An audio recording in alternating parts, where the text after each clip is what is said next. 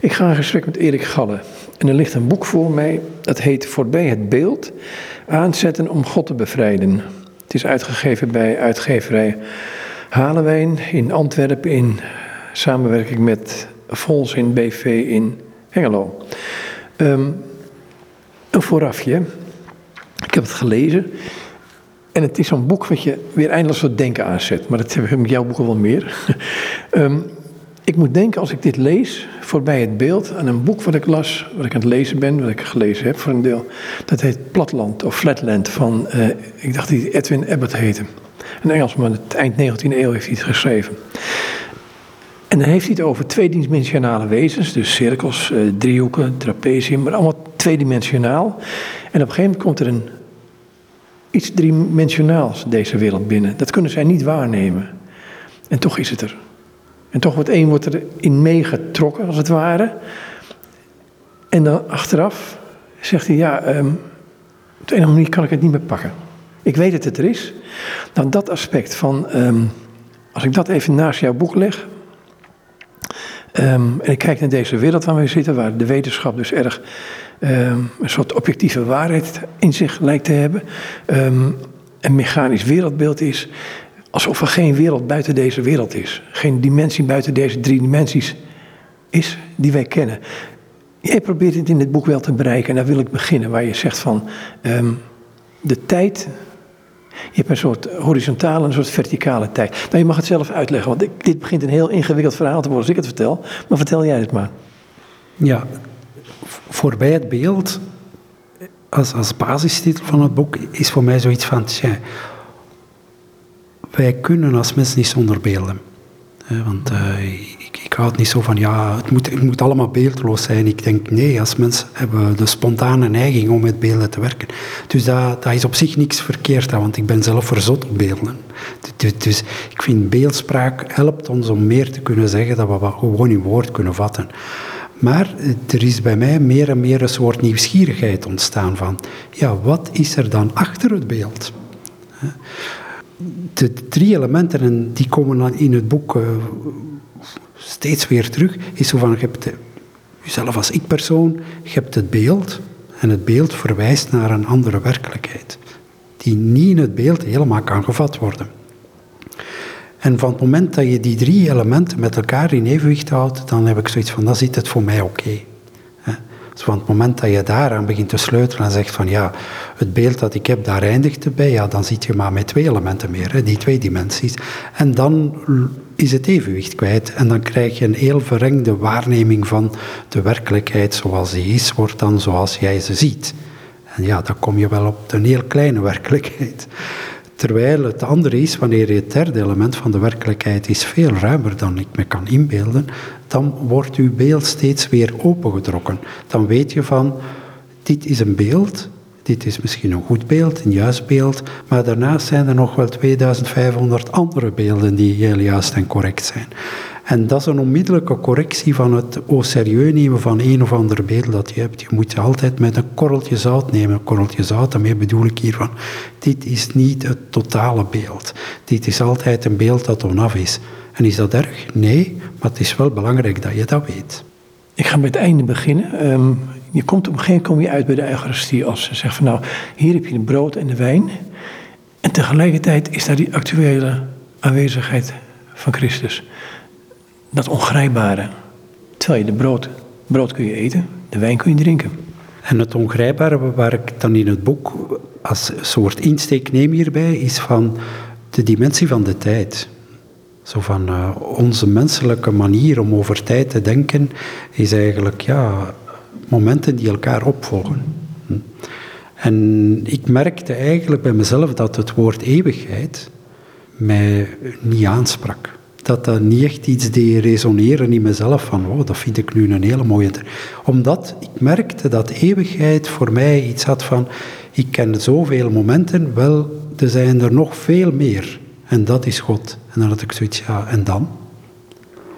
Terwijl van het moment dat ik voor mezelf heb beginnen denken, ja, maar wat kan eeuwigheid en hoe gaat God met tijd om? Dit is wel iets heel anders. En dat opende voor mij van, als ik eeuwigheid nu eens vervang door een eeuwig nu, een oneindig nu. Als God vanuit zijn standpunt bevindt hij zich in een oneindig nu. En dat is misschien wat vreemd als terminologie en, en, en wat wennen. Maar waarom haal ik het aan bij de Eucharistie? Omdat voor mij van het eeuwige nu van die actuele presentie, Christus die hier werkelijk aanwezig is, die komt binnen in mijn manier van opvatting van tijd en die is eindigheid. En die is opeenvolging van momenten. Terwijl een eeuwig nu of een oneindig nu, dat, dat is een heel bevrijdend iets. Zo van die twee manieren om met tijd om te gaan, die ontmoeten elkaar volgens mij in, de Eucharistie, in het avondmaal. Dus, dus die, dat samengaan, dat opengebroken worden van mijn manier van om te gaan met tijd en te kunnen grijpen van het is dit moment en uh, wij zijn nu aan het interviewen en tegenover God is het altijd nu. Nu is nu. God zegt niet kom straks, God zegt ik ben er nu. En, en in de Eucharistie is dit nu heel centraal. En het is juist omdat dit nu zo centraal staat, dat dit mijn tijdsbeleving doorbreekt. En dat dit actueel wordt. Hm? Een actualiteit die ik mij niet kan voorstellen. Want ik kan mij geen eeuwig nu voorstellen. Maar van het moment dat ik dat mij laat doorbreken in mijn manier om met tijd en werkelijkheid om te gaan, gebeurt daar iets wat ingrijpend is. Ingrijpend en mij in de war brengt in mijn manier van omgaan met de werkelijkheid. En dat in de war brengen vind ik eigenlijk een heilig moment. Maar het in de war brengen is op een zekere manier ook begonnen met uh, het feit dat Jezus Christus de wereld in kwam als het woord van God, als een beeld van God, een beeld van de levende God. Um, dan komt hij vanuit een andere dimensie onze wereld binnen. En um, ja, mensen zien daar iemand die wonderen doet, maar er zijn maar weinigen die tot het besef komen: hé, hey, dit is werkelijk de zoon van God of iemand uit die andere wereld. Ja, en het is, eigenlijk een, een andere dimensie die in onze dimensie, om het zo maar vreemd en, en bijna afbakenend te zeggen, binnenkomt. En dat is een heel storend element. Dus en wat proberen mensen, mensen proberen hem te kaderen. Waar moet je hem kaderen? Waar moet je hem plaatsen? Hij past eigenlijk nergens in. En het de incarnatie eigenlijk is het ingrijpende moment doordat het goddelijke, het eeuwige, voor mij dan het eeuwige nu, binnen in onze tijd komt stappen. En eigenlijk daardoor ontwrichtend in de goede zin van het woord werkt van er is dus meer dan wat ik zie. En het mooie is, je, maakt die vergelijking, hij is het beeld van de onzichtbare God. Dus hij is het beeld, dat wil zeggen, ik kan hem ook niet grijpen. De God zelf blijft onzichtbaar. Wie God ten volle is, kan ik zelfs in Jezus Christus niet vatten als mens. Maar wanneer ik naar hem kijk, zie ik wel de Vader. En dat is zoiets van die, die twee dimensies die in hem in eenheid zijn. Hè, dat, dat is heel openend. En dat is ook ontwrichtend, en dat soort ontwrichting, want ik gebruik het woord nogal eens graag, is eigenlijk zo wat uit onze balans gebracht worden in onze manier van denken en van perceptie en van om te gaan met werkelijkheid. En dat maakt dat de andere werkelijkheid binnen kan als iets, een werkelijkheid die er al is, maar die ik niet ken. En waar ik word opengebroken om die werkelijkheid niet tegemoet te treden, maar op mij te laten toekomen. En dan gebeurt er iets met mij waardoor ik verander. Je noemt het, je geeft een eigen uitleg aan het woordje openbaren daar, met deze in betrekking tot dit. Ja, zo het, het openbaring, het woord baren, het geboren worden. En ik, ik weet, mijn verklaring die ik in het boek schrijf is niet correct, etymologisch. Maar ik verbind dus het woord baren, het geboren worden, met het woord open. Als je die twee combineert, God die geboren wordt en die een opening maakt eigenlijk in ons leven, door op die manier onder ons te komen, wel, is dat geen zalige combinatie, vind ik. Zoiets van openbaring is niet in de zin van iets van heel geheimzinnig. Nee, openbaring is eigenlijk iets heel concreet, iets tastbaar, iets lichamelijks, iets uh, dat vlees heeft aangenomen. Dus iets waar dat we niet omheen kunnen. En zo concreet is het, de openbaring. En niet iets van, wat, wat, van een heel bijzondere ervaring of ik weet niet wat. Nee, dit, dit is iets heel concreet. Christus zelf is de openbaring met een hoofdletter. Hè, daarom, hè. Dus, dus, hij is degene die op ons toekomt en ons opent voor de werkelijkheid die wij met onze ogen niet volledig kunnen zien, maar waardoor we weten, wanneer we naar hem kijken, dat die werkelijkheid heel reëel is. Ik ga naar het begin van het boekje. Je begint dan met, ik moest op een gegeven moment een drempel over. En heb je het over het begrip angst. Um, dan link ik meteen iets anders aan. Er is iets met, met Jezus, als ik het zo mag zeggen, wat wij gewoon niet willen. Ja, en wat willen we eigenlijk niet, denk ik, is van waar leggen we de klemtoon? Vertrek, is het vertrekpunt bij onszelf of is ons het vertrekpunt in een werkelijkheid die buiten onszelf staat? En het is die aarzeling en dat, dat precies zo van het, uh, het evangelische, het, het, sterven om te leven, hè, is, is iets dat we heel moeilijk vinden. Van zeggen, ja, maar dat, die, die, die logica, die, daar houden we niet van. Die, die, die vinden we niet oké, uh, daar geloven we eigenlijk niet echt in zo van, het kan toch niet dat je moet sterven om te leven, of dat je jezelf uit de handen moet geven om jezelf te ontvangen. Dat vinden we heel verdacht als redenering. En, en daarom is zo de angst om het perspectief om te keren en te zeggen van, er is een werkelijkheid buiten mij, als ik die op mij toelaat komen, waardoor ik eigenlijk ontdek tot, wel, tot wie ik geroepen ben te worden. En, en, dat, en dat is eigenlijk waar de Christusrelatie ons toe uitnodigt. Maar dat geeft angst, want dan is precies van, dan heb ik het zelf niet meer in handen. Wanneer ik het vertrek en het eindpunt bij mezelf leg, dan zit ik als het ware in een soort controlekamer en uh, ga ik uitmaken wat belangrijk is en wat niet, maar ik behoud de controle. En zo kan ik ook met mijn geloof omgaan. Hè. Ik bedoel van, ik behoud de controle en ik laat dat binnen, dat niet, en ik heb een kijk op de werkelijkheid, maar die blijft mijn kijk. Terwijl het heel anders is wanneer je de klemtoon legt in de werkelijkheid buiten u, waar Christus dan symbolisch een te zwak woord, maar symbool voor staat, in die zin symbool dat hij het werkelijkheid maakt in ons, dat is heel anders, dat is overweldigend. Dat is zo van uh, een rivier die buiten zijn oevers treedt dat is zoiets van, als ik Christus zegt, als ik God echt op mij toe laat komen, dan gaat hij buiten de grenzen van hoe ik denk wie ik ben, hoe ik denk hoe de wereld in elkaar zit, hoe ik denk wat de bedoeling is van een mensenleven. Dit wordt allemaal wat overrompeld. En overrompeld doordat het van buiten mij komt, maar heel mooi dat, hoewel dit van buiten mij komt, mij zo vertrouwd is.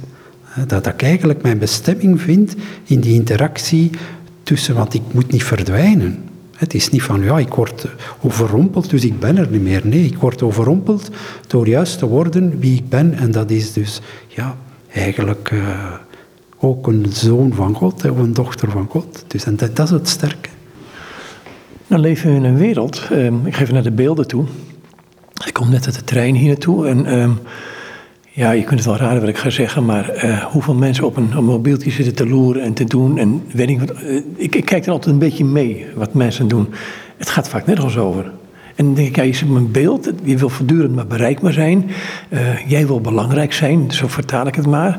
Maar je wordt er enorm door afgeleid. Plus het feit dat het hele digitale gebeuren, ehm, wat, wat dus de werkelijkheid herleidt tot eentjes en nulletjes. En misschien een soort wetenschappelijk objectivisme het leven niet is. Nee, en het is een soort. Uh, bij mij, en, en, en, dat is in het eerste deel van het boek, zowat de, de vraagstelling, waar ik zelf geen echt antwoord op heb, maar gewoon het constateren hoe het beeld steeds maar belangrijker wordt. Dat je hebt van een beeld wordt bijna belangrijker dan de werkelijkheid. wanneer we, we sturen naar elkaar foto's of filmpjes door, in de plaats van met elkaar contact te nemen. Of mensen komen ergens toe en ze nemen een foto van zichzelf om de ander te laten weten dat ze daar zijn. Dus op zich is dat wel vreemd. Ik, ik heb niet de pretentie om dat ja, af te keuren. Hè. Dus ik bedoel, ik doe zelf ook zo'n dingen. Ik, ik, sta ook midden in die cultuur en ik trek heel veel foto's ook. Ik, ik hou heel veel van beelden. Maar de vraagstelling is wel van hoe komt het en wat zegt dat wanneer beelden als het ware de werkelijkheid gaan, ja, gaan eigenlijk veranderen? Hè? Als beelden onze manier om te kijken naar de wereld zo gaan inpalmen dat we niet meer de wereld zoals die is ontmoeten, maar de filter van de beelden ontmoeten. En, en, en, en dat is, zoals reclame ons voorhoudt, zijn bepaalde beeldvormingen precies het ideaal waar we moeten naar streven en niet meer de werkelijkheid zoals die is, maar zoals die verbeeld wordt in reclameboodschappen. Wordt dan het medium de boodschap, of laat ik het anders vertellen. Uh, ik hoorde dit ooit, een aantal jaren geleden, een meisje vertellen in Amsterdam. Die was um, HIV besmet. Um, En die zei toen de wonderlijke frase in een, in een programma: Ik dacht dat het iets van televisie was. Ja, dit is, dit is frappant. Dus ik, ik, haal in het boek ook een voorbeeld aan. Wat, wat, wat, er bestaat een zekere vorm van, noemt dat slow televisie. Dus, dus heel trage televisie. Wat, wat gebeurt er dan? Men heeft is een, een, treinreis in Noorwegen een camera bevestigd op de locomotief. Een treinreis die zeven uur duurde. Men heeft die integraal uitgezonden op televisie. Daar hebben 1,2 miljoen mensen naar gekeken. Dus je kan zeggen, tja, dat is wel frappant. Want eigenlijk is daar niks te zien. Er wordt niks aan gemonteerd. Je ziet gewoon de, de reis van die trein door wel vanzelfsprekend een prachtig landschap. Nu, het intrigerendste vond ik niet alleen dat, dat dat genre van televisie bestaat, maar eigenlijk wat experiment dat ik graag zou uitvoeren is van ik zou graag eens op die trein gaan zitten en dan zien dat mensen die op die trein zitten, die zitten inderdaad allemaal op hun mobiel te kijken. En wanneer ze thuis zijn, zeggen ze tegen elkaar, kijk eens wat een prachtig landschap het is. Dus, dus dat is het bizarre, zodat het beeld steeds een soort filter wordt, waardoor wij naar de werkelijkheid kijken. En als dit zo is, wel, dan is het wel heel belangrijk dat we beseffen wat is een beeld dan? En welke functie heeft dat? En opent een beeld op de werkelijkheid of sluit de werkelijkheid zich af en zorgt het beeld dat een gesloten filter wordt?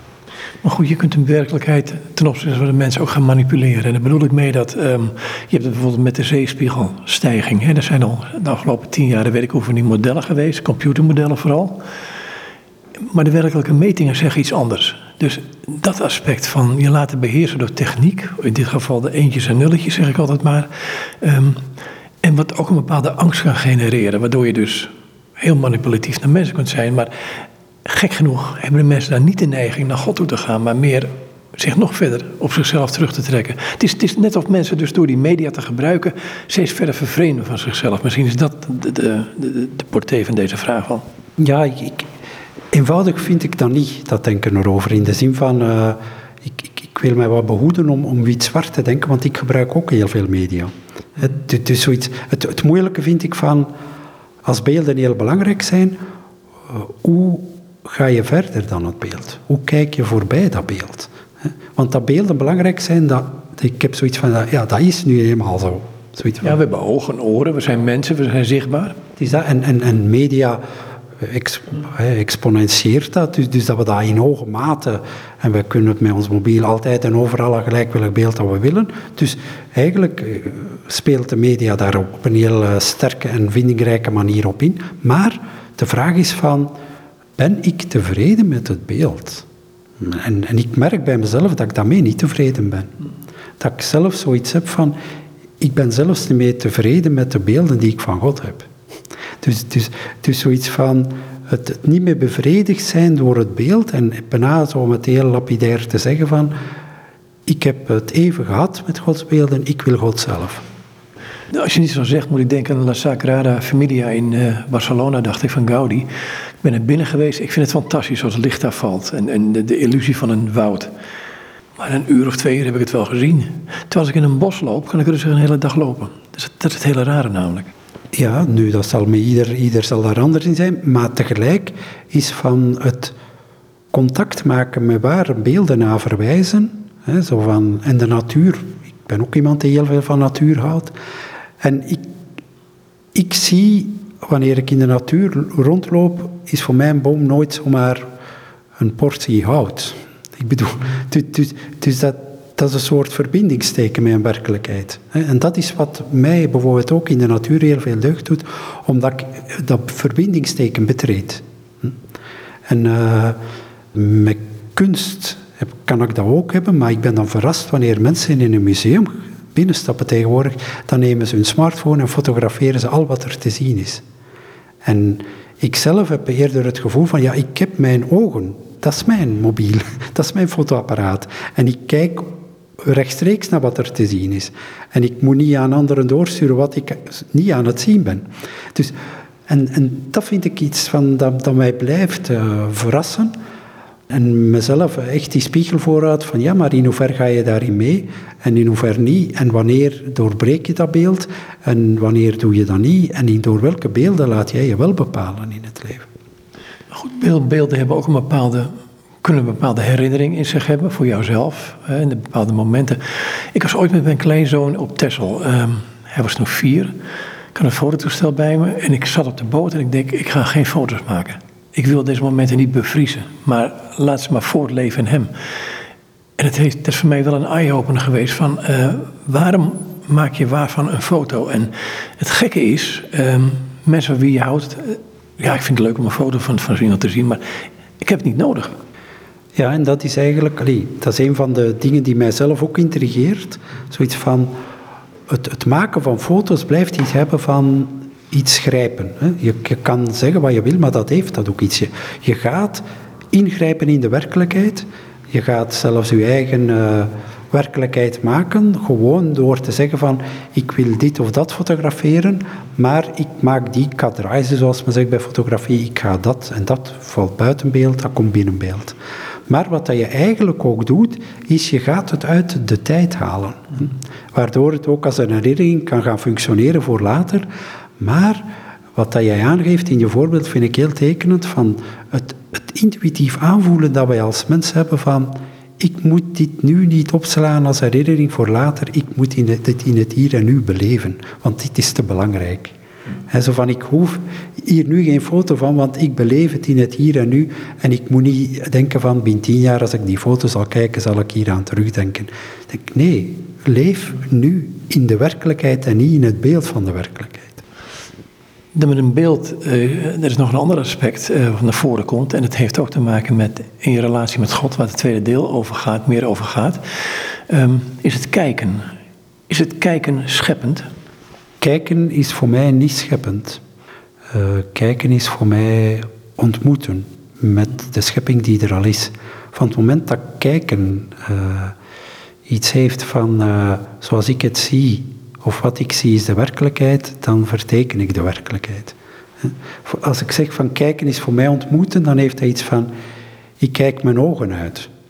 In de zin van, ik zie veel meer, en ook als ik iets, als ik, ga naar hetzelfde bos en ik, ik, ik kijk rond me heen, dan heb ik de eerste vijf minuten die indruk.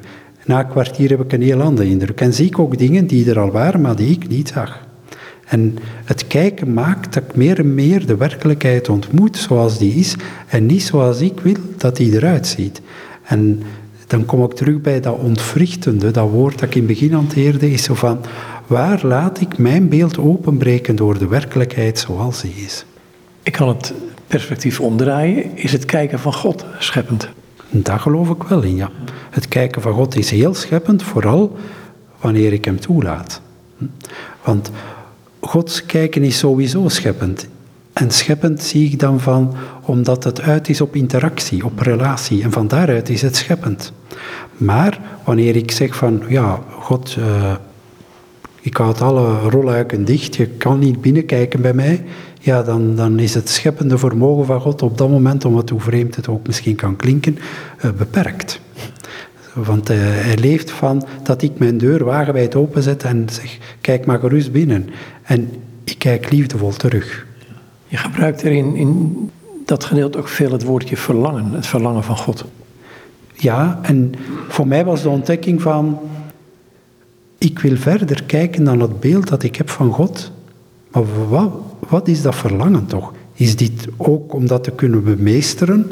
Is dit te verlangen om dan, ja, ik sta verder of ik weet niet wat? Nee, het is eigenlijk de ontdekking voor mij is geweest van dat verlangen dat ik in mezelf ervaar, dat is niet mijn verlangen. Dat is Gods verlangen naar mij. En dat vind ik iets heel, uh, heel mooi en vooral het dynamische daarvan. Want ik zie dat niet alleen zo individualistisch tussen God en mij en, en, ik, hij verlangt naar mij, zo heel het geïndividualiseerde, bijna opgesloten relatie met God. Nee, dat verlangen van God, voor mij zit dat in elke mens, in iedereen, in heel de schepping. Het is als het ware zoiets van, dat is de verborgen laag die ik niet zie, maar die aanwezig is. En wanneer ik in contact kom met dat verlangen in de hele schepping, wel, dat vind ik overrompelend. In de goede zin van het woord, mooi overrompelend. Omdat ik zoiets heb van, ja, heel de schepping wil eigenlijk verlangt om terug te keren naar God. Om verlangt in zijn schepper te loven, om het dan maar zo poëtisch te zeggen. En dat vind ik iets heel mooi. Want van het moment dat ik daarbij aansluiting vind, dan gaat er in mij een wereld open waar ik veel te klein voor ben, maar waar ik enorm ja, vreugdevol kan van worden. Ja, het, raakt mij, want ik, moet denken Romeinen 8, waarin staat dat de schepping met rijkhalsend verlangen uitkijkt naar het openbaar worden van de zonen van God. Maar ook in Colossense, waarin staat dat we over Christus, dat we in hem en door hem en voor hem geschapen zijn. Ik denk, mis ik iets in de grootheid hiervan? Ik, ik, ik vind het, zoals ik zei, overrompelend en, en de dynamiek die erachter zit. En zoiets van... Uh, dat, dat, is een term uit een heel andere context, maar in die gestalttherapie zal men zeggen, iets blijft in beweging totdat een gestalte geheel gevormd wordt. En ik heb dat bijna zoiets van, zolang Christus nog verborgen is in heel de schepping, ja, dan, dan gaat daar een kracht vanuit, een verlangen. En van het moment dat ik met dat verlangen in aanraking kom, dan, dan, dan gaat er voor mij een wereld open die ik niet ken. Maar waar ik mij wel eigenlijk zoiets heb van, ja, daar gaat het om. Je noemt het verlangen een touw, wat God hanteert. Ja, een touw dat hij mij als het ware toegooit. Zoiets van, uh, niet om mij te binden, maar om mij verder te trekken dan mijn eigen perceptie van een werkelijkheid. En dit uh, destabiliserend gedrag, wat daaruit voorkomt, is eigenlijk heel bevrijdend. Zo van, als ik mijn manier van eng denken over God en over wereld en over mensen kan overstijgen of meegetrokken wordt in Gods verlangen, want dan pas overstijg ik het. Want anders is ik ga het eens overstijgen. Ik doe iets. Zie je hoe goed ik het doe. Nee, nee, nee. Het heeft niks met mijn willen op zich te maken. Ik kan het niet. Maar als ik aan dat touw mij laat meetrekken, kom ik in een werkelijkheid binnen die zo breed, zo ruim, zo wijd is, dat ik denk, tja, wauw, dit wist ik niet. En tegelijk wist ik het ergens diep in mezelf wel. Ja, je zit in het tweede gedeelte, zeg je steeds twee eigenschappen tegenover elkaar. Liefde en gerechtigheid en maar noem het zelf maar. Ja, waarom wou ik dat doen? In de zin van, omdat ik zoiets heb van, wanneer we beelden van God hanteren, uh, en, en, we zeggen we zetten in op, op, op God, uh, voor sommige mensen is God een echte boekhouder, vind ik. Zoiets van, dat, dat functioneert goed, ik houd me eraan en het is in orde. Ik heb het maar is God alleen dan een boekhouder? Dan, dan wordt het wel een heel enge God. En altijd zoiets van, ja, maar God is ook een, een, een, bijvoorbeeld een kwetsbare God. Dat is een heel andere dimensie van God. Ik zeg niet, God is alleen kwetsbaar. Nee, ik, ik zet ze met u samen om te zeggen van, tja, eigenlijk heeft elk godsbeeld als ware een soort tegenpool nodig om te kunnen spreken en om waarachtig te zijn. En om het evenwicht te behouden, zet ik er telkens twee naast elkaar, maar eigenlijk als een eerste stap om te zeggen van, dus wanneer we een tegenbeeld nodig hebben van het beeld dat we hebben van God, dat is een eerste stap om te zeggen, ik wil dus voorbij die beelden, want voor elk beeld zoek ik een tegenbeeld, maar dus wat is er dan voorbij dat beeld nog? Ja, werkt het dus uit een hand van liefde en gerechtigheid? Wel, wanneer je, wanneer je zegt van de liefde is iets alomvattend, is mooi, is zacht, is goed, is, dat, dat klinkt zo allemaal soft, in de, niet in de verkeerde zin bedoeld, maar zoiets van dat, ik heb zoiets van, tja, is allemaal zo gezellig? En dan heb ik iets maar als je zegt gerechtigheid. Gerechtigheid, dat roept voor mij op van, ja, rechtvaardigheid, van, uh, van de wet, van bepaalde regels, van uh, een ethisch appel. Van, en dat voelt heel anders. Dat is, dat is een stekeliger werkelijkheid. En die hebben elkaar ook nodig. Want als je alleen die stekelige werkelijkheid overhoudt, dan word je als het ware moralist. In de zin van, en ik weet hoe het moet, en ik wil, en ik ben juist bezig, en ik ben... Ik zeg, nee, God is ook liefde. Vergeet dat dan niet. Dus daarom altijd zoiets van, je hebt een soort... Uh, de koorddanser die een stok draagt, waardoor hij het evenwicht bewaart op de koord, die draagt twee uitersten mee. En omdat hij het midden houdt, houdt hij zijn evenwicht. En zo is dat ook in godsbeelden. Wanneer we ons te veel naar één godsbeeld richten, dan gaan we van de koord vallen. Het woordje barmhartigheid gebruik je ook. Uh, dacht ten opzichte van gehoorzaamheid, maar dat weet ik niet helemaal zeker. Ik ga doen het uit mijn hoofd. Um, want dat zegt Jezus zelf ook. Hè? Barmhartigheid is belangrijker dan een offer bijvoorbeeld. Um, en toch is het offer gegeven. Dus, dus die, die twee kanten zie je ook. Ik kan er nog twee dingen tegenover zetten. Um, op een gegeven moment zendt Jezus zijn discipelen uit en neemt niks mee onderweg. Geen geld, niks. En zie maar. En dan verderop het evangelie zegt, maar nu zegt hij... Uh, koop een tweede, zorg dat je twee stuks uh, kleding bij je hebt. Uh, neem een reiszak mee, et cetera. Ja, en voor mij is dat zoiets van, van het moment dat je op één stukje evangelie je zou vastpinnen en zeggen dat is het, dan kan je inderdaad altijd het tegendeel gaan aanbrengen. En is dat erg? Sommige mensen vinden dat heel moeilijk om te hanteren. Ja, maar wat, wat is nu eigenlijk? Ik, ik ben erdoor in de war. En ik heb zoiets, mij brengt dit niet in de war.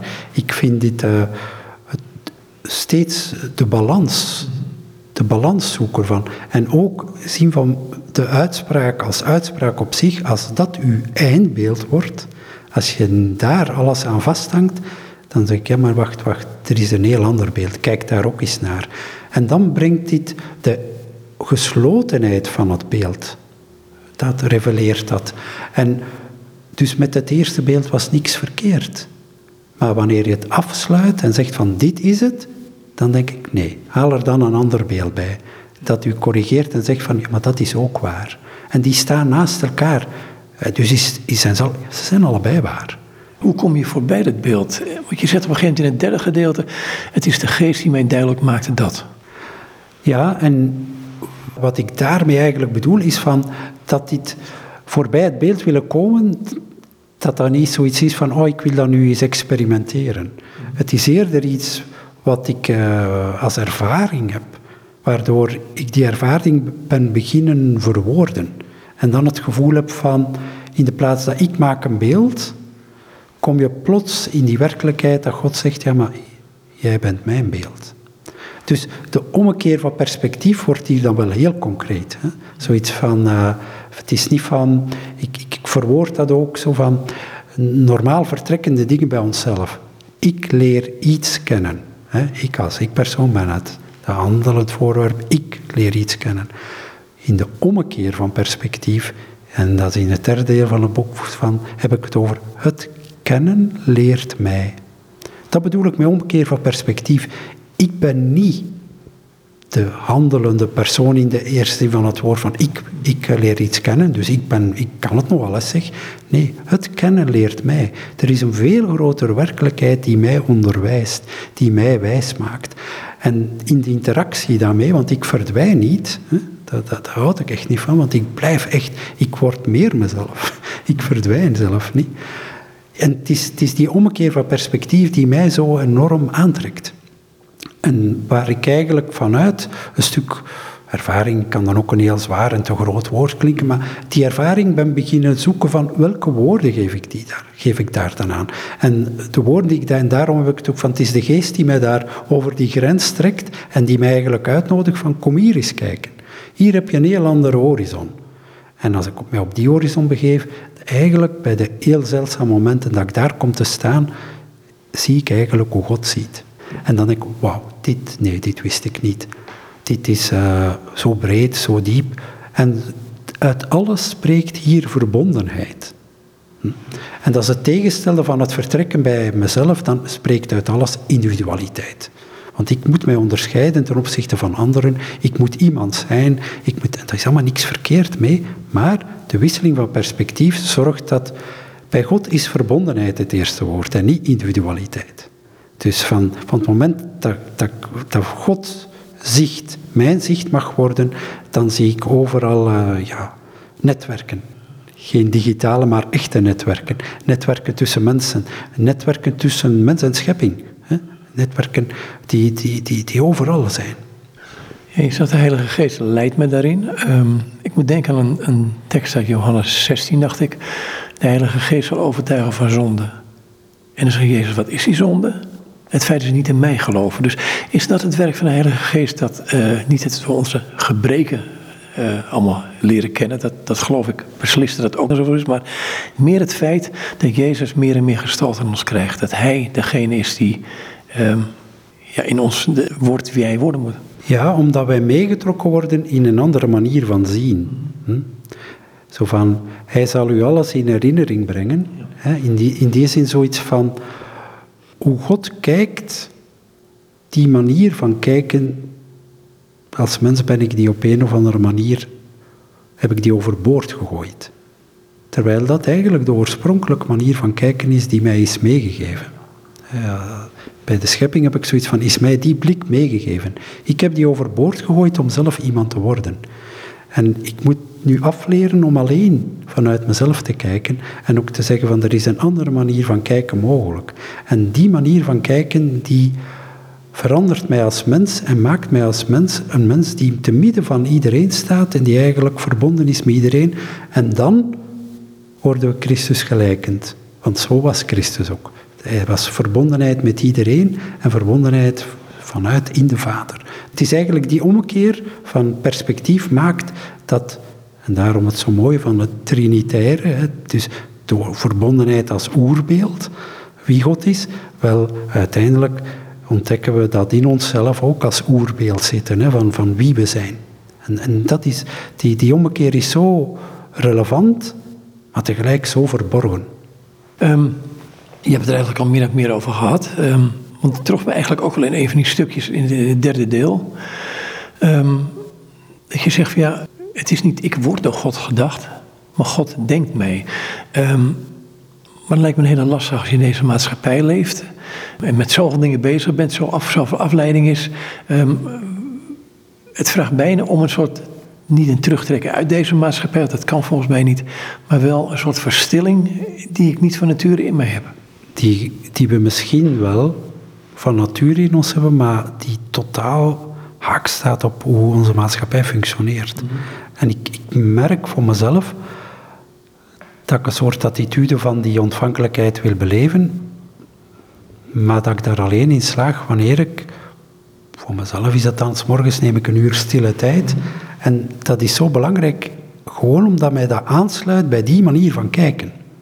Want dat is op zich geen prestatie en niet van, oh Erik, doe dat. Nee, dit is gewoon een manier om u te gronden, voor mij dan in de ochtend, van er is een andere kijk op de werkelijkheid en op een werkelijkheid die er al is. En daar ga ik nu een uur in zitten. En van daaruit hoop ik dat ik die band kan behouden in de dag gedurende wat er ook op mij afkomt. Behoud ik die band altijd? Nee. Maar ik keer daar wel elke ochtend naar terug. En dat is voor mij iets van, uh, hoe vreemd het ook is, heb ik, merk ik bij mezelf de noodzaak, letterlijk noodzaak, om zoiets te doen, om dat contact te onderhouden, om die ommekeer van zien ook te behouden. Want anders begint mijn eigen zien weer op de voorgrond te treden. Ik vind het hele apart, je zegt stille tijd, want jij hoort één ding, ik hoor een ander ding. Uh, ik had stille tijd naar de Midden-Oxford-traditie, dacht ik, als ik het wel heb, maar goed. In de zin van, um, ik open mijn Bijbel, lees de Bijbel, bid, ben een aanbidding naar God toe. Dat bedoel jij niet? Nee, voor mij is dat op het moment, is dat zoiets van, het moeilijkste voor mijn ego is stilte. En waarom is dat het moeilijkste? Ja, dat begint tegen te pruttelen. Dat, dat zegt direct van, ja Erik, je hebt vandaag zoveel te doen. Doe niet onnozel. Doe, doe iets. En, en, en zit hier toch niet gewoon... Uh, of zelfs lees iets. Hm? Ik weiger iets te lezen op dat moment. Omdat ik merk voor mezelf dat ik dan in de actieve rol kom. Ik kan me zeggen, ik stel mij open en ik, maar ik merk wat mij het meest verstoort, is stilte. Is niks zeggen, niks lezen en gewoon proberen naar het basisgegeven van God als werkelijkheid die al aanwezig is, daar altijd naar terug te keren. Want ik blijf daar niet altijd bij, ik word afgeleid. Maar ik keer daar altijd naar terug. En dat mij telkens die terugkeer daarnaartoe, die zorgt voor een soort training, zo zie ik dat, hoe bizar ook, want het is geen prestatie, maar wel een soort gewoon worden van, zo wil ik eigenlijk uh, in de wereld staan. Je noemt dat dieptetijd op een gegeven moment. Mag je het zo vertalen? Ja, dieptetijd. En met dieptetijd bedoel ik eigenlijk ten diepste van... Als wij tijd opvatten, zien we dat aan een aaneenschakeling van momenten. En er is een soort dieptetijd en dat is godstijd. En het is of ik in die stille tijd een vislijn uitgooi naar die dieptetijd. Om verbinding te maken met die soort tijd. Die, en, zoals ik zeg, met het oneindige, eeuwige nu dat God is. Want uh, wanneer ik zeg, ik ga s morgens heel vroeg in, in, in mijn gebedshoek zitten, dan zou ik zeggen, ik ga nu vijf minuten vroeger om te zien of God er al is. Maar hij is er al. En keer ik uh, s'avonds van het werk thuis en ik, ik ga binnen en is, hij is er terug. En waarom zeg ik dat zo af? Is omdat hij is altijd nu. Dus dat bedoel ik met dieptetijd. De dieptetijd is een tijd die altijd in het nu zit en waar God zich bevindt. En, het zoeken van woorden en begrippen voor die werkelijkheid is voor mij heel uh, revelerend geweest. omdat dat mij iets vertelt van, dit is het. Hier gaat het om. En ik kan dat niet verwoorden natuurlijk. Maar ik kan het oproepen. Maar ik kan wel proberen op te roepen hoe belangrijk dit bewustzijn voor mij is, omdat dit mijn leven draagt. Tegelijkertijd is daar dan, zijn er die momenten van afwezigheid, ook in die stille tijd, denk ik. Zeker en vast. Dus ik, het is eigenlijk, je zou bijna kunnen zeggen, die stille tijd is bedoeld om mijn bewustzijn van het bestaan van de dieptetijd aan te scherpen. Luk ik daar altijd in? Nee. Ben ik afgeleid? Vanzelfsprekend. Ik ben een mens, ik ben dus voortdurend afgeleid. Maar wanneer ik op het moment dat ik ontdek dat ik afgeleid ben, dan ben ik het al een tijd. Dan zeg ik, oei, Erik, waar is die dieptetijd? Uh, waar, uh, hoe keer je daarna terug? Oké, keer maar terug naar God. Sorry, ik was er even niet. U bent gebleven, want u bent in dat nu. Heel gek, waar ik in het begin nog refereerde, die tweedimensionale wereld uit het platland. Daar krijg je op een gegeven moment de situatie naar de laatste hoofdstukken toe. Dat degene die die ervaring heeft gehad, daar weer naar verlangt. Maar het is op geen enkele manier op te roepen. Het is op de andere manier. Um, kun je er open voor stellen, maar tegelijkertijd. Ja, het blijft geloven, moet ik maar zeggen. Ja, en dat, dat klopt helemaal, denk ik. Want je kan verlangen naar de ervaring ervan. ik, ik, wil dat kunnen beleven, ik wil dat kunnen voelen. En dit werkt niet. God werkt nooit zo, denk ik. Zo van, van het moment op bestelling, van zoals bij een automaat, ik, zet daar 2 euro in en ik krijg een cola. Ik bedoel, zo van, geef me dat gevoel van de dieptetijd, God, ik, geef u, ik, ik, ik duw op de automaat en ik ontvang het wel. Dit werkt niet, maar wat wel werkt, is van, eenmaal dat je op een of andere manier die ervaring gehad hebt, is een soort weten. En dat soort weten, dat verdwijnt bij mij niet. En ik besef dat ik op bepaalde momenten verlang naar het mogen voelen van dat, wat dat weten inhoudt, maar dat weten dat verdwijnt niet meer. En dat wil ik juist, om dat niet te vergeten, accentueren in die tijd. Ja, en het risico is er dan altijd om die momenten vast te willen houden en dan verzuurt het, hè? Zeker en vast, want dan ben je die aan het dan doe je wat je doet als je een foto neemt. Hm? Je zegt van ik, ik, ik kader het in en ik houd die vast.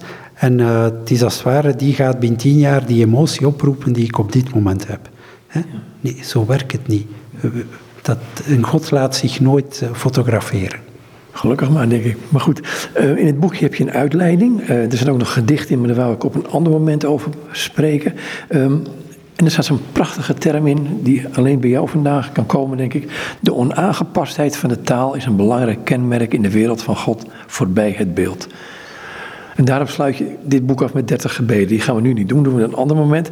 Um, die onaangepastheid van de taal, daar hebben we het nog niet voldoende over gehad. Maar dat is natuurlijk een van die dingen die. Um, hebben we het net even gehad over stille tijd. Nou, jij zegt het, ik zeg het. Um, we kunnen het over koffie hebben. Uh, jij denkt aan een latte, ik denk aan een espresso. Ik bedoel, lastig. Maar ontmoet elkaar wel. Die ontmoeting is er wel. Die ontmoeting is er omdat taal is een manier van relatie. En van het moment dat ik er zou van uitgaan wanneer ik het woord koffie uitspreek, dat we allebei hetzelfde bedoelen, dan ben ik eigenlijk niet echt in relatie met u. Dan ben ik u aan het eh, zeggen wat, eh, dat u de werkelijkheid moet zien zoals ik ze zie. Maar de onaangepastheid van de taal vind ik zalig wanneer het over God gaat, omdat de onaangepastheid mij voortdurend als een soort alarm dat aangaat van wanneer ik gelijk welk moment denk God te kunnen vastzetten in de taal dat ik weet, hier is God niet. En, en dat vind ik uh, het zalige van wat taal kan.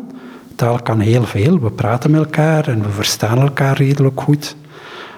Maar van het moment dat we naar God toe zeggen van ik kan hem grijpen in vijf zinnen, dan is God al uh, kilometers weg van het moment dat we beginnen denken. Ja, ik weet dat je op een gegeven moment zeg in het boek ook uh, dat woordje God is almachtig, daar kan ik niks mee. Dat, dat, dat, het irriteert jezelf. Het irriteert mij omdat het voor sommige mensen een, een, een, Als je daar God in opsluit, dan denk ik van wow, wat roept dit allemaal op bij mensen? Zoiets van, ik kan het hanteren wanneer ik daarnaast het woordje God is almachtig. Heel, heel oké, hij is almachtig. En, maar ik wil daarna ook kunnen zeggen voor de uitzending als het ware gedaan is, van, maar hij is ook kwetsbaar. En zoiets van hem God in één woord opsluiten, in één beeld, dat uh, ja, verkracht, verknecht God eigenlijk, vind ik. Ik wil toch maar een gebed nemen. Um, oh, misschien deze.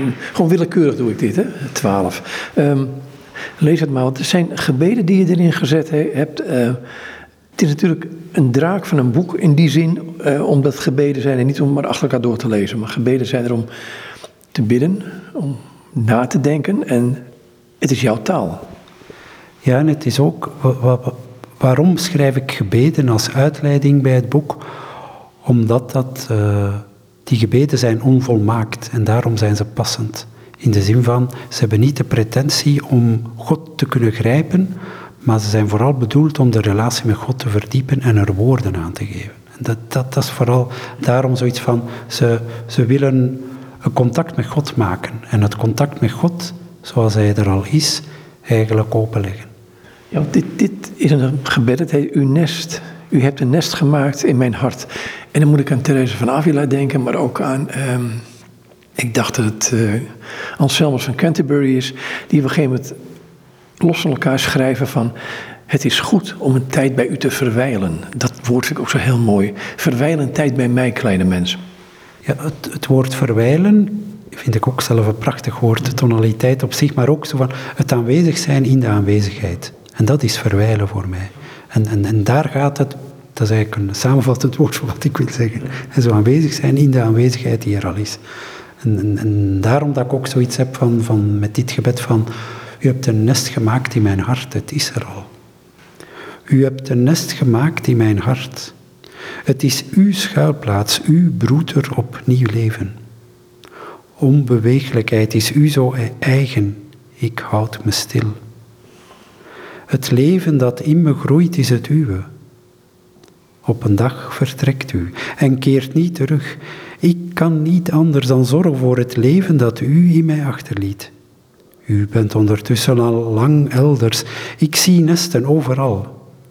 Met mensen die u toelaten gaat u zo ver dat het onvoorstelbaar blijft dat u God bent. Mens worden, u kan het niet laten. U bent mijn redding. En dat is iets anders dan voor al die beelden die wij zien een oplossing geven. Dit, dit, gaat, dit gaat dieper. Ja, dit is zo, en dat is wat de bedoeling van, van die dertig gebeden op het einde is. Van, die willen oproepen waar het voorbij het beeld over gaat. Zoiets van welke werkelijkheid God is. En dan ga je zeggen, ja Erik, maar je doet niet anders dan beelden gebruiken. Natuurlijk, maar open beelden die u verder brengen dan het beeld zelf. En dit zinnetje, het is uw schuilplaats, uw broeder nieuw leven, uh, uw broeder opnieuw leven. Um, is dat wat er met je gebeurt als je je openstelt, dat je tot een nieuwe schepping gemaakt wordt? Wat een proces is van tijd, want ik, ik, we kijken hier uit het raam en er zijn allemaal prachtige bomen, die zijn niet in één dag gegroeid. Dat neemt wat tijd in beslag, het gaat traag, dat soort elementen. Dat zit er zeker in. En er zitten twee elementen in. Het mooie vind ik aan dat beeld van, het is Gods schuilplaats. En tegelijk, hij broedt er opnieuw leven. Zoiets van... En dat heeft zijn tijd nodig, hè? zoals een, een, een, vogel op de eieren zit, op zijn nest zit. Dat duurt weken voordat er iets uh, zichtbaar wordt van het nieuwe leven. Maar de aanwezigheid is er. En, en, en het is eigenlijk dat beeld wat ik probeer op te roepen van... God schuilt in de mens, maar God schuilt alleen in de mens om nieuw leven te kunnen geven aan die mens. En door die mens En om ook zelf als God eigenlijk uh, ja, uit zichzelf te treden, om het zo vreemd te zeggen. Dus van, van God wil, wil mens worden, zo eindigt dat gebed ook. Hij kan het zich niet laten. Hij verlangt om mens te mogen zijn. Dit boekje, daar gingen andere boeken aan vooraf. En er staat er eentje tegen de muur, de kaft, de voorafplek. Die voorafplek, je mag even zeggen wat het was, wat je daarmee bedoelt. Maar is dat beslissend geweest voor het maken van dit boekje? Ja, dit is uh, de sequel om zo te zeggen. Ik bedoel, dit, dit is wat erna komt. Hè. Zoiets van, van het moment dat je bewust wordt van het verwijlen bij Gods aanwezigheid in, in u, dat die er altijd is, dat die in een eeuwig nu zich bevindt, van dat moment ontdek je dat de beelden die je hebt zo onvolmaakt zijn, maar zo belangrijk. En het is die dualiteit waar dit boek over gaat. Zoiets van, beelden, daar is op zich niks verkeerd mee, wanneer je ook voorbij dat beeld leert kijken. En dan kom je in contact met een werkelijkheid die er al is en die op je toe komt. Van het moment dat je dat beeld zegt van, zoals de gordijnen van een beeld, ik trek het open en dan komt een hele wereld bij u binnen. En zo wil God bij mij, bij ons binnenkomen. Dit is geen boek wat je per se voor christenen hebt geschreven. Dit is voor eigenlijk het idee meer van mensen die gewoon denken van ik geloof hier helemaal niks van. Ik, ik hoop het. Eh, daarom bijvoorbeeld het eerste deel van het boek bestaat uit drie delen, komt het woord God nooit tevoorschijn. Het is eigenlijk een analyse van onze cultuur van wat is een beeld en hoe functioneren beelden en, en hoe geraak je voorbij beelden. En ook een vrij kritische benadering van de godsbeelden die wij hanteren van de zogezegde gelovigen. Hè. Zoiets van uh, hoe gemakkelijk dat we die in onze boekentas steken, om zo te zeggen, en zeggen van ja, hier, hier hebben we het en daarmee kunnen we aan de slag. Nee, God bevindt zich voorbij het beeld. We hebben die kritische analyse van onze eigen omgaan met God voortdurend nodig. Dan moet ik denken wat, wat 40-jarigers nog wel eens kunnen zeggen: van die hebben hard gewerkt voor een carrière en die denken op een gegeven moment: van, is dit nou alles wat er is? is dit het nou? Is er meer? Ja, en, en als je bij dat beeld blijft van mijn leven bestaat erin om carrière te maken en geld te verdienen en mijn eigen huis te hebben, ja, dan is het hier ook mee gedaan. Ik bedoel, dus van dat het oneindig eindigen. Hm?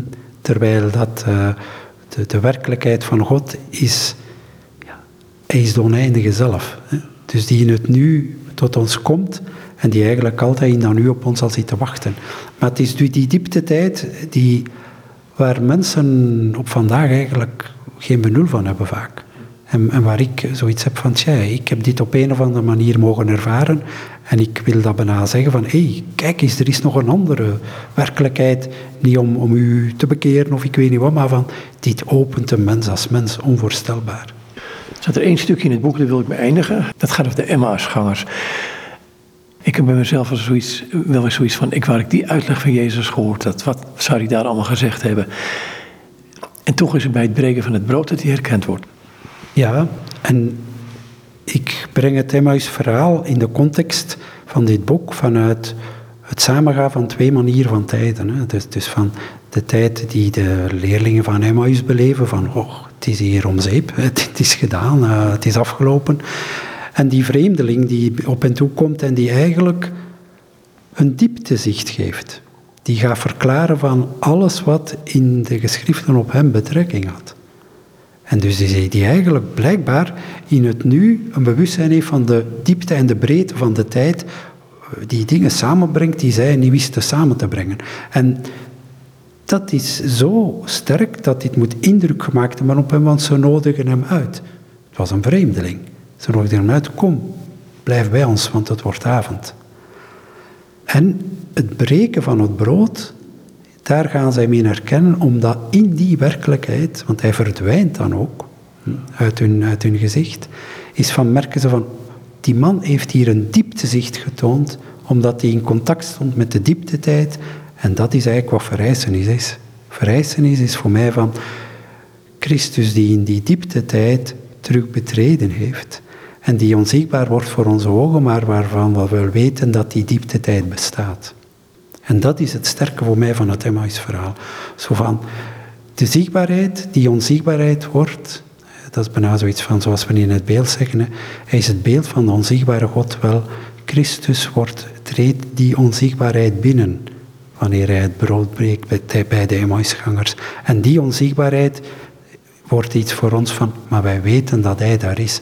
En het brood staat niet alleen symbool, maar is de verbinding tussen twee manieren om met tijd en opeenvolging van tijd en de diepte tijd om te gaan. En zij gaan terug naar Jeruzalem en vertellen de andere discipelen dat ze Jezus gezien hebben, dat hij leeft. Eigenlijk, hij leeft nog steeds. Ja, dus en dan nu, van dat moment, is ook nu nog nu. Ja, Goed, ik wou het hierbij laten. Dankjewel. graag gedaan. En dit zei Erik Galle en met hem was ik in gesprek over het boek, of aan de hand van het boek, voorbij het beeld aanzetten om God te bevrijden. Het boek is uitgegeven bij uitgeverij Halenwijn in Antwerpen in samenwerking met uitgeverij Volzin in Hengelo. Goed, nogmaals dus tot zover dit gesprek met Erik Galle.